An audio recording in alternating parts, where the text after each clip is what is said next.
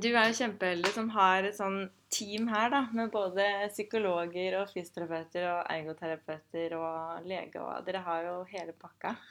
Det vi har mulighet til å gjøre her, det er jo egentlig å gjøre en form for screening. Og prøve å sortere ut litt ting og se på hvilke faktorer er det i spill her som er med på å opprettholde eh, de plagene pasientene har. Mm. Og så er det ikke nødvendigvis sånn at vi kanskje skal behandle alle, men vi bør jo finne ut av hva som plager de, og hvem som eventuelt da kan behandle. Mhm.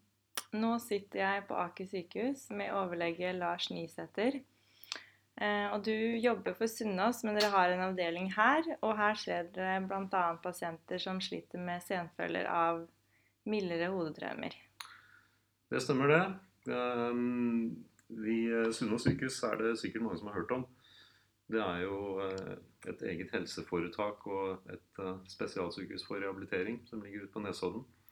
Så har vi da en poliklinikk her eh, i Oslo, på Aker sykehus. Um, hvor vi da har forskjellige typer programmer.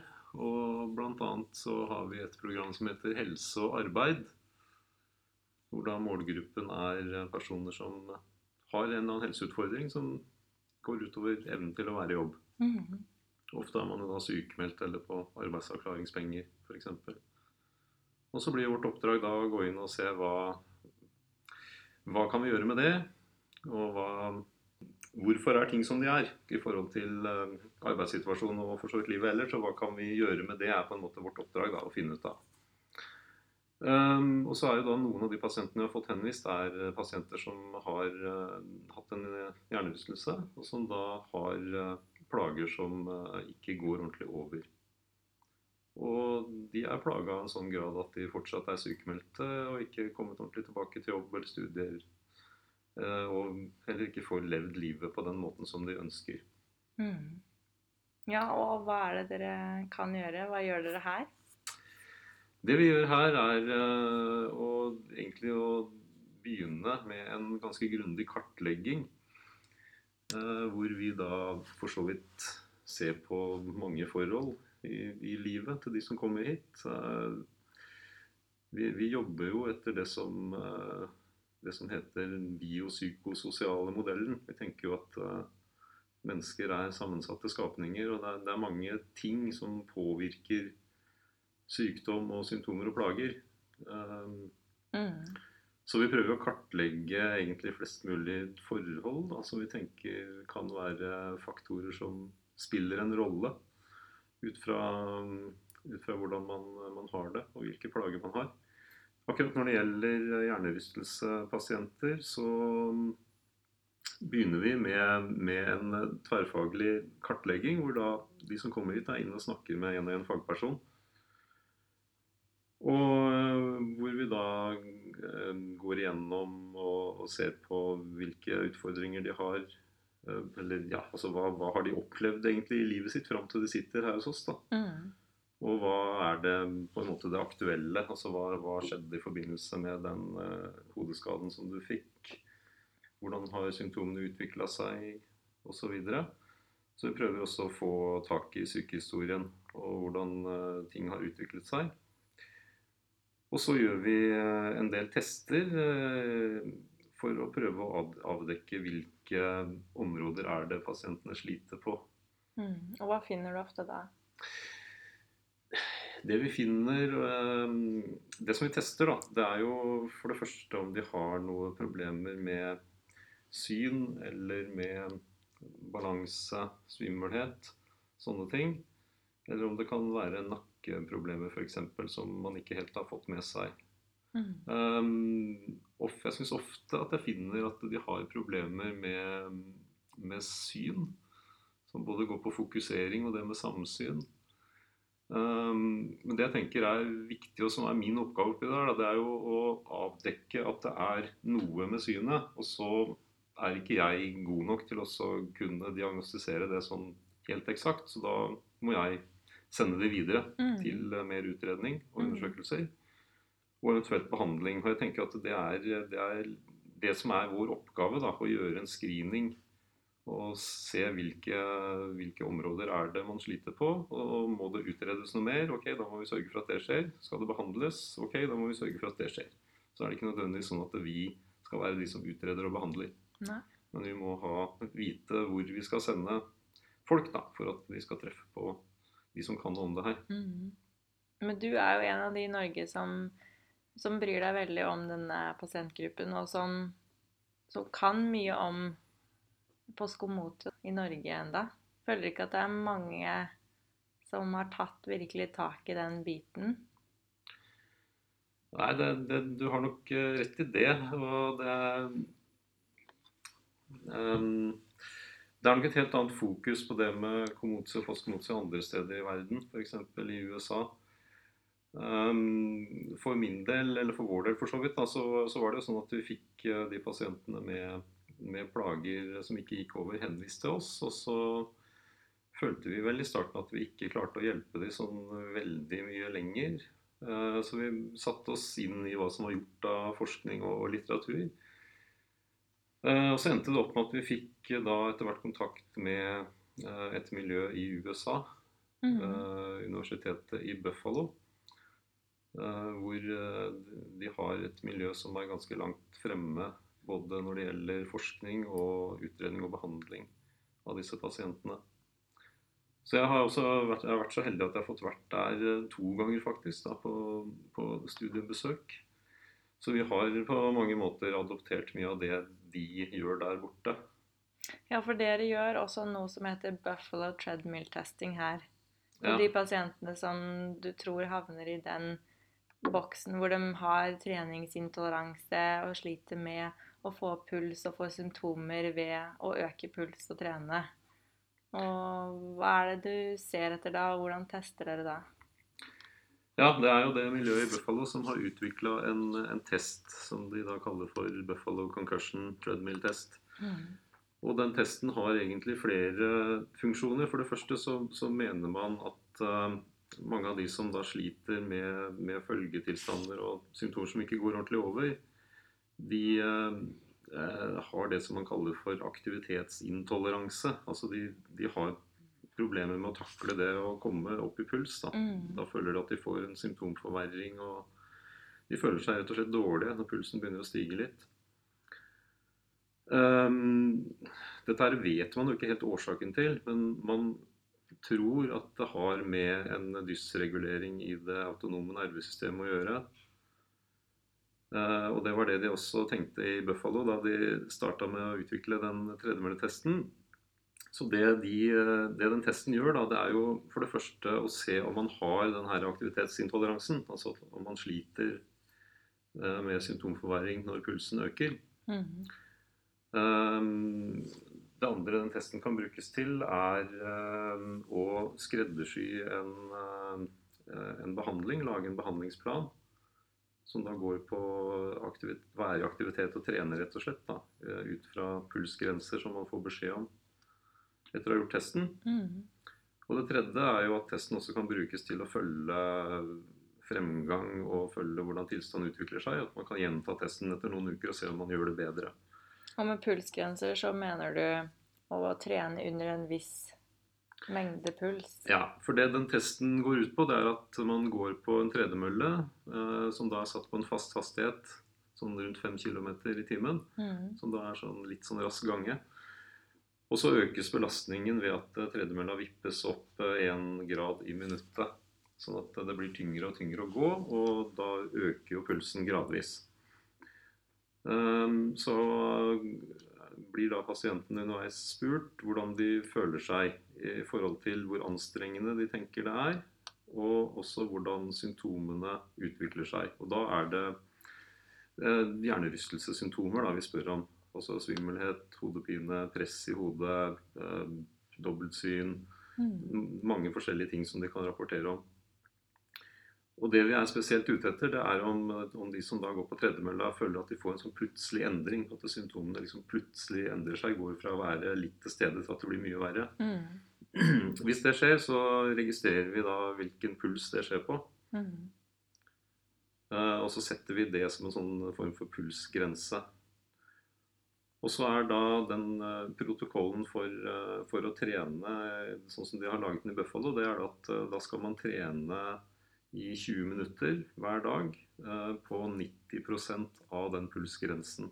Ja. Som altså var den grensen hvor du fikk eh, symptomøkning. Da.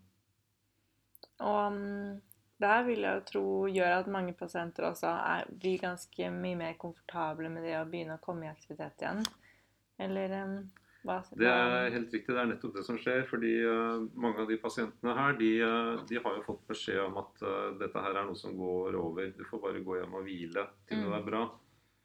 Um, og så føler de jo at det ikke blir så mye bedre da, og så vet de jo ikke helt selv hva de kan gjøre for å bli bedre. Så for mange av de så oppleves det nok veldig godt å få beskjed om at man kan gjøre noe selv, da. mm. Og så få sånne helt konkrete beskjeder om at det tren 20 minutter på hold deg under 120 puls, f.eks.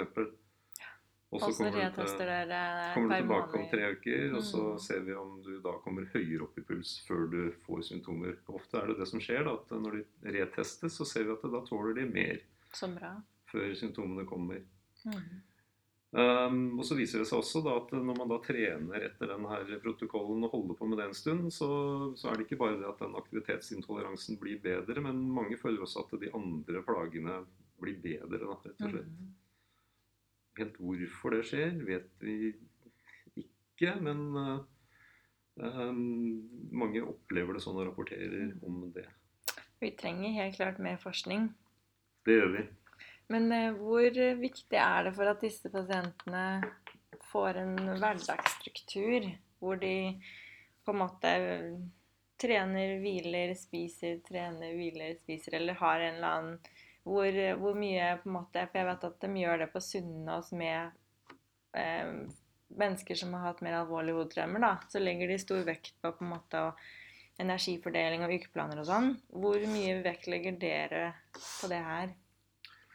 Ja, det er jo eh, Veldig mange av disse pasientene har jo uh, begrensa kapasitet sammenligna med hvordan de var før de skada seg. Mm. Um, og mange av de opplever at de kan ikke presse seg eller være i aktivitet på samme måte som de klarte før, før skaden. Da. Så det, så det vi råder til, er jo å prøve å finne en sånn form for eh, balanse eh, og fordele energien sin utover eh, det man da tenker at man skal gjøre i løpet av en dag. Eh, det, vi, det vi tenker er uheldig, er jo hvis man på en måte blir liggende og presse opp mot den maksgrensen og det du tåler, helt til du liksom går i veggen da, og Mm. legge deg ned.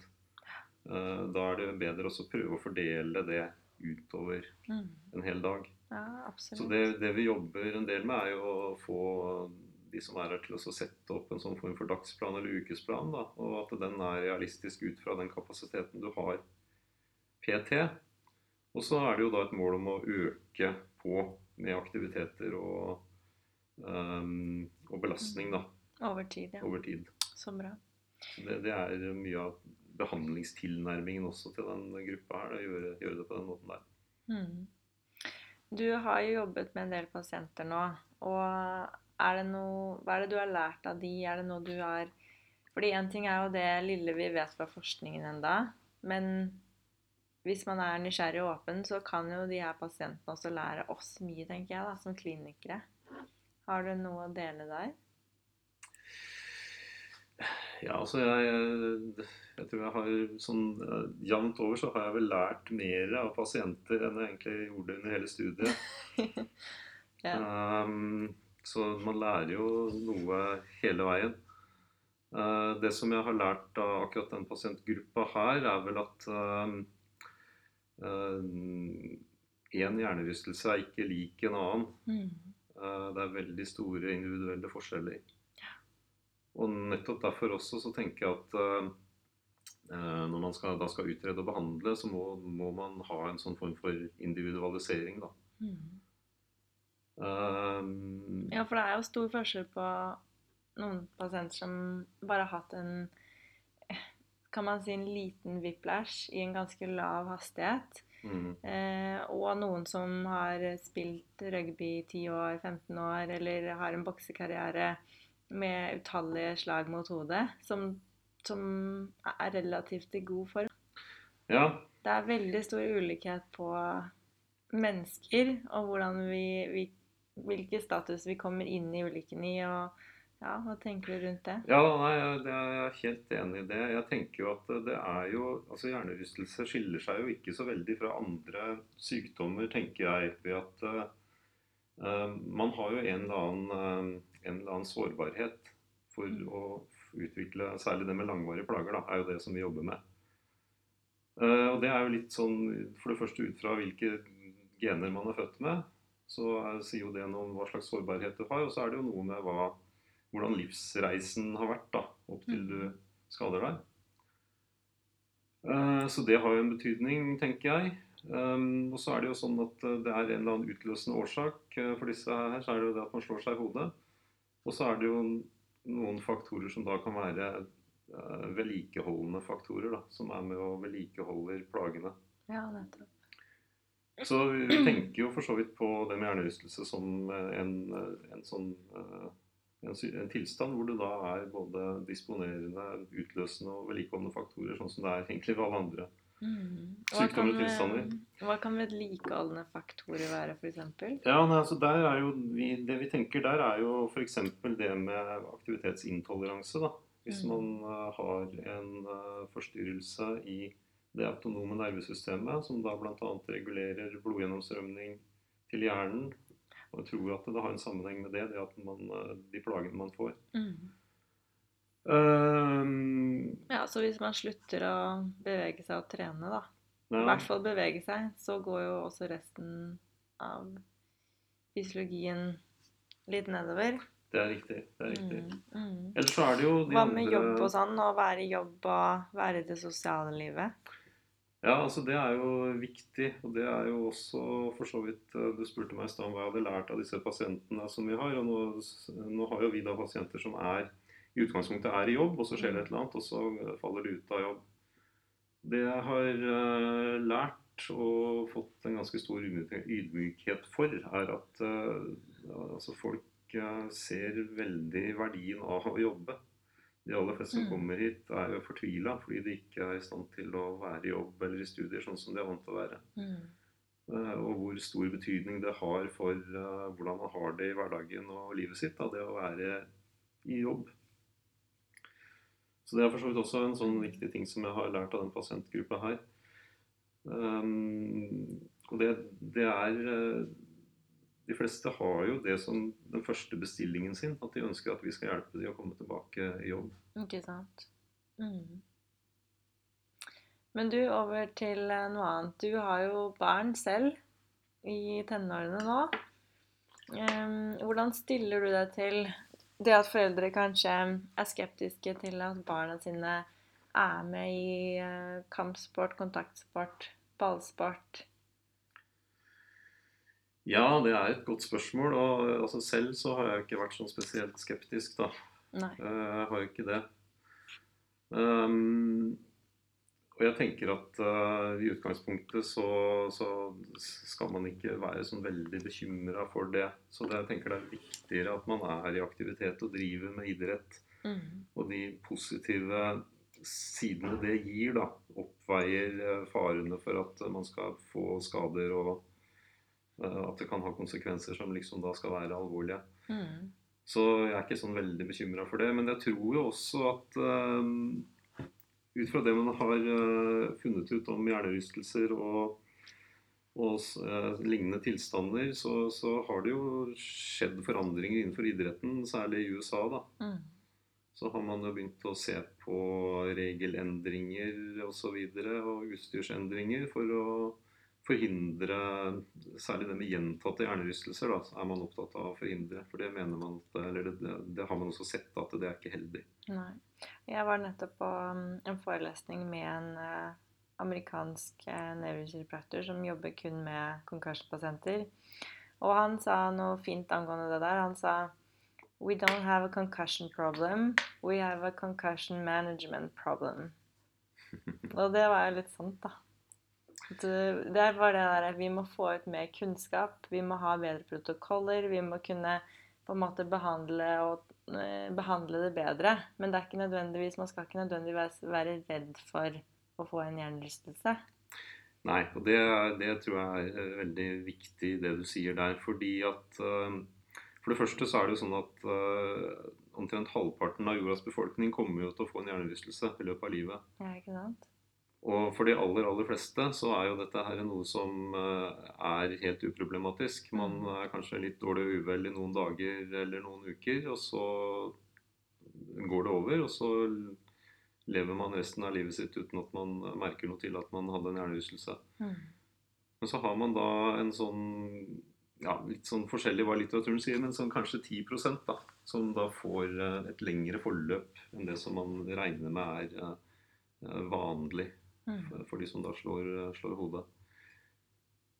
Og det er jo de som, eh, som oppsøker helsevesenet, og som vi da tenker bør kunne prøve å hjelpe så best som best vi kan. Mm.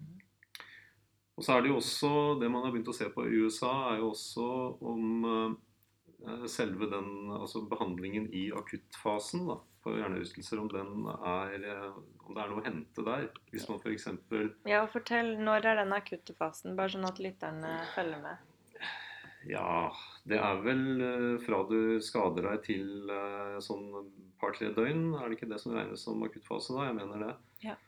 Um, og, det som er det vanlige å få beskjed om eh, da, det er jo at hvis man oppsøker legevakt eller, eller en eller annen behandler, så, man jo, så blir man jo først undersøkt med tanke på om det er en alvorlig hodeskade, om det er en blødning eller noe sånt. Hvis det ikke er det, så blir man eh, sendt hjem eh, med det som heter hjernerystelseregime, da, hvor du første natta så får man beskjed om å vekkes hver time osv. Og, og etter det så får man jo egentlig beskjed om at da må du bare ta det med ro, unngå skjermbruk og sånn. Og når du føler deg i form igjen, så kan du begynne å gå på skole og begynne å trene osv. Men er den avdanka nå, den der med at man skal vekkes annenhver time og sånn? Jeg tror vel at man fortsatt får beskjed om det. Ok. eh, At det- det er det som ligger som en sånn type retningslinje fortsatt. da. Okay. Men eh, det som man har begynt å se på i USA, er at eh, kanskje det, og det å få beskjed at du skal hjem og hvile, ikke er det helt riktige.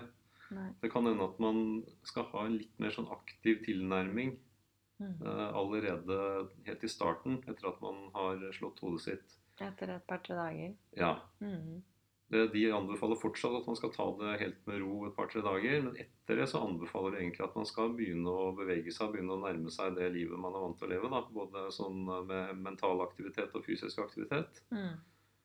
Uh, og det er jo der den uh, tredemølletesten kommer litt inn. da, fordi Hvis man tar den tredemølletesten, så kan man da mer, gi litt mer sånn konkrete råd med Mm. tanke på hvilket aktivitetsnivå man skal ha. Ja, for det er jo litt av problemet i Norge er at både du og jeg får jo pasienter som har blitt veldig kroniske. Og det Ja. hadde vært interessant å sett hvor mye bedre det kunne blitt om vi hadde kommet inn tidligere. Men da er det den derre Klarer vi å sile ut hvem som får senplager, og hvem som ikke får det?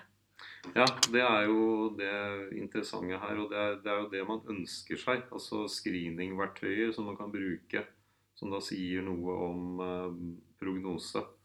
Og der, der er vi jo ikke helt okay. Foreløpig. Nei.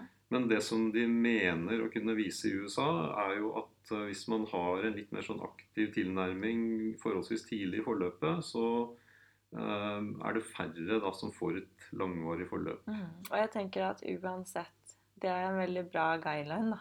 Hvis man kan gi den tryggheten. Ja. Så jeg, jeg tror jo at uh, om uh, ja, la meg si ti år, da, så, så tror jeg vi kommer til å forholde oss til hjernerystelser i akuttfasen på en litt annen måte enn det vi gjør i dag. Mm. Jeg tror det kommer til å foreligge litt andre typer retningslinjer enn, det, enn de som uh, praktiseres i dag. Ja. Du, det er veldig mange som lurer på om det å nikke ball er farlig. Har du noen kommentar? Eh, ja, altså det vet jeg ikke.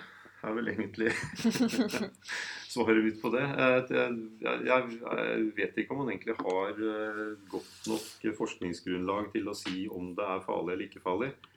Men jeg ser jo at det er jo en sånn, et tema som kommer til å komme opp. Og da, hvis man drar den eh, helt til enden, så blir det jo til slutt eh, spørsmål om eh, er, kommer vi dit at man skal forby headinger i fotball. Mm. Jeg vil jo tro at det er en diskusjon som, som kommer til å komme opp etter hvert. Mm. Men sånn per i dag så, så har ikke jeg noe mening eller noe grunnlag for å si noe om om man skal det eller ikke. Nei. Har du noe siste du har lyst til å dele? Eller noen oppfordringer som du vil komme med? Take it away, Lars. Ja, det legger jo ikke noe press på heller, liksom. Um, skal vi se Det som jeg uh, vil avslutte med å si, det er at uh, uh, jeg, jeg tror at det kommer til å skje ganske mye på denne her fronten med hjernerystelser, og kunnskapsnivået kommer til å øke eh, betraktelig. Eh, Men allerede ut fra det vi vet i dag, så, så er det ganske eh, stor, god grunn til å ha et berettiget håp om å bli bedre og komme seg ut av en sånn tilstand da når man har kommet inn i det. Mm. Det er det. Så um, Ikke gi opp. Ikke gi opp. Eh, oppsøk eh, personer eller fagpersoner som da har eh, noe kunnskap om hjernerystelser. Og Mm. eh, vær i aktivitet. Mm. Og det du sa med at forskningen er jo veldig sånn Det kommer til å eksplodere, og den har jo allerede begynt å eksplodere. Så jeg tenker at også eh, det å oppfordre fastlegen sin, da, eller eh, andre du kjenner, til å på en måte utdanne seg litt mer om, eller lese opp på hjernerystelser, kan være superbra. Fordi vi vet jo at forskning som kommer ut nå, det tar flere år ofte før det blir eh, liksom tatt opp i klinisk praksis da, på en generell basis. Ja da, det er, det er, det er riktig. Eh, og så tenker jeg også at det, det, som, eh, det som jeg håper vi får på plass, er jo noen enkle verktøyer som sånne som meg og fastlegene kan bruke. Mm. For å da um, lage en plan for hva som trengs av utredning, hva som trengs av behandling og, og oppfølging. Og hvis vi da etter hvert kommer dit, og der er vi jo nesten allerede, så er det egentlig eh, grunn til å, å ha håp om at man skal bli bedre og etter hvert komme seg ut av en sånn postkomoso-tilstand. Mm. Bra. Helt avslutningsvis um, Hvor kan folk finne deg? Kan hvem som helst søke seg hit? Hvordan er det? Ja, altså vi er jo da eh, en del av Sunnaas poliklinikk. Så de aller fleste som, eh, som kommer hit, de er henvist hit av fastlegen sin. Eh, det programmet hvor vi tar inn eh, personer med, med hjernerystelse og følgetilstander etter det, da, det er et program som heter Helse og arbeid. Så det er jo utgangspunktet for personer som er i et arbeidsforhold, eller som da eh, ja, i hvert fall eh, har vært i arbeidsforhold eh, for ikke så veldig lang tid siden. Og hvor man tenker at her er det muligheter til å komme seg tilbake til jobb igjen. Og folk kan søke seg inn fra hele landet, eller bare Oslo og Akershus? Det er mulig å søke seg inn fra hele landet. Vi er jo i utgangspunktet eh, i Helse Sør-Øst og har det som vårt eh, opptaksområde. Men eh, det er fritt behandlingsvalg, som det heter, i Norge. Så man kan søke seg hit fra andre deler av landet også. Nå er det litt upraktisk siden vi er en poliklinikk, da. Så, det er litt begrensninger som ligger der, ut fra at man blir jo ikke innlagt her. Man må jo komme hit på dagtid. Ikke sant? Tusen takk for at du stilte opp i dag. Bare hyggelig.